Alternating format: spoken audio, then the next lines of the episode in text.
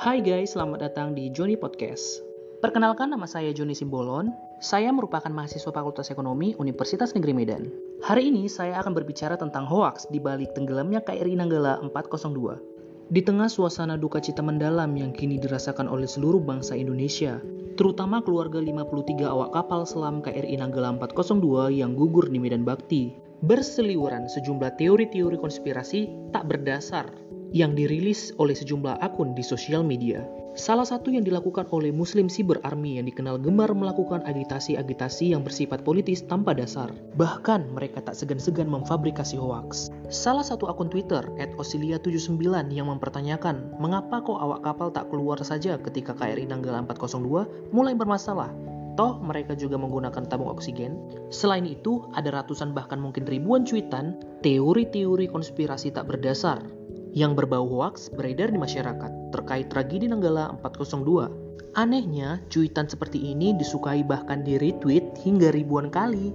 Artinya, besar kemungkinan para pengikutnya mempercayai hal-hal yang mereka ungkapkan. Dan ini sangat berbahaya sekali guys. Hampir setiap bencana atau tragedi kecelakaan di Indonesia diimbuhi hoak-hoak dan teori konspirasi seperti ini. Bahkan pandemi COVID-19 pun masih saja disebut konspirasi. Secara hukum, mungkin pihak Kementerian Komunikasi dan Informatika serta polisi siber bisa menindaklanjuti hal ini. Sebagai masyarakat, saya juga sebenarnya awam terhadap urusan teknis dunia kapal selam. Di sini saya mencari sumber bacaan yang bisa menerangkan apa sebenarnya yang menjadi bahan hoaks yang dilansir pihak-pihak tak bertanggung jawab tersebut. Banyak yang mungkin bertanya, kok badan kapal selam Nanggala 402 bisa pecah dan awak kapalnya tak bisa keluar dari badan kapal? Berikut penjelasannya. Dalam konteks KRI Nanggala 402 seperti yang diungkapkan oleh Kepala Staf Angkatan Laut Laksamana TNI Yudo Margono, kapal tersebut mengalami keretakan cukup besar sehingga air masuk ke dalam badan kapal.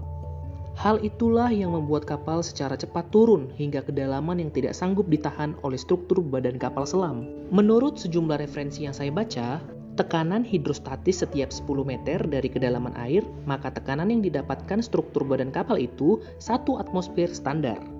Atmosfer standar yang biasanya disingkat ATM ini merupakan satuan tekanan per inci ketika sebuah benda berada di dalam air.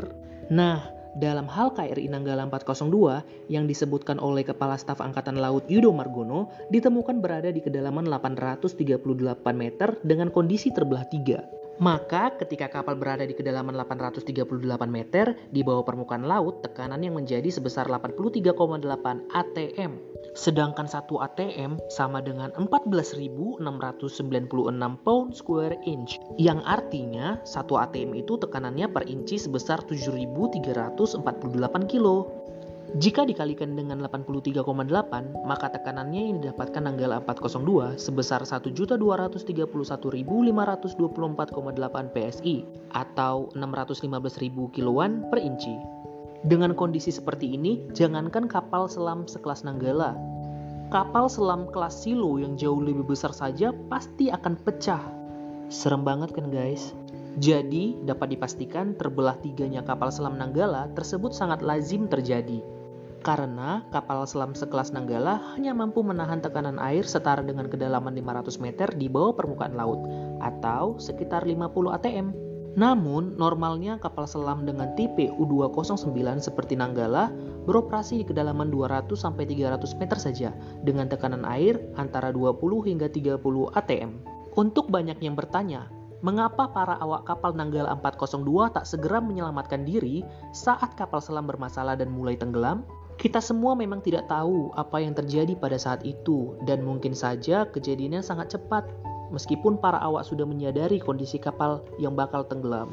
Terbukti dengan ditemukannya escape switch yang seharusnya jika di keadaan normal tersimpan dalam loker khusus. Jadi, seperti menurut analisa yang disampaikan Bapak Yudo, para awak telah bersiap untuk keluar, namun keadaan tak memungkinkan. Kapal selam Nanggala dinyatakan hilang atau submis di kedalaman 700 meter. Jika di kedalaman ini pintu kapal selam dibuka, maka air akan dengan cepat menerobos masuk dan membanjir kapal hanya dalam sekejap mata. Jika masih dalam daya jelajahnya, mungkin saja pintu masih mampu menahan derasnya air laut dan mereka bisa keluar untuk kemudian berenang ke permukaan laut. Jangan bayangkan berenang di kedalaman 700 meter sama dengan berenang di kolam renang atau sungai yang kedalamannya hanya 2-3 meter.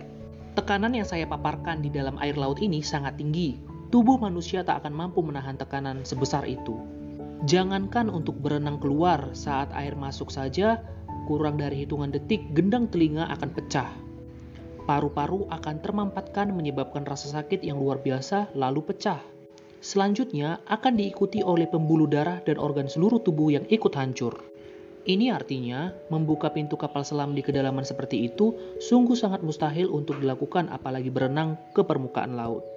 Berdasarkan hal yang saya sebutkan tadi, teori-teori sampah yang diunggah oleh pihak-pihak yang tak bertanggung jawab, seperti yang saya contohkan tadi, harus dibuang dari pikiran siapa pun karena semuanya tidak benar.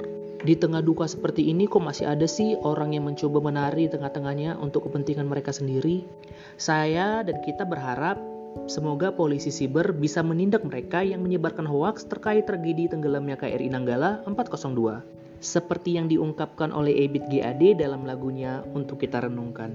Semoga 53 awak Nanggala 402 yang gugur diterima segala amal ibadahnya dan ditempatkan di sisi Tuhan yang Maha Kuasa dan keluarga yang ditinggalkan diberi ketabahan. Amin. Demikian pembahasan kita kali ini terkait hoak yang beredar di masyarakat tenggelamnya KRI Nanggala 402. Terima kasih telah mendengarkan Joni Podcast. Jangan lupa follow Instagram saya di @jhoxn. Sampai jumpa lagi.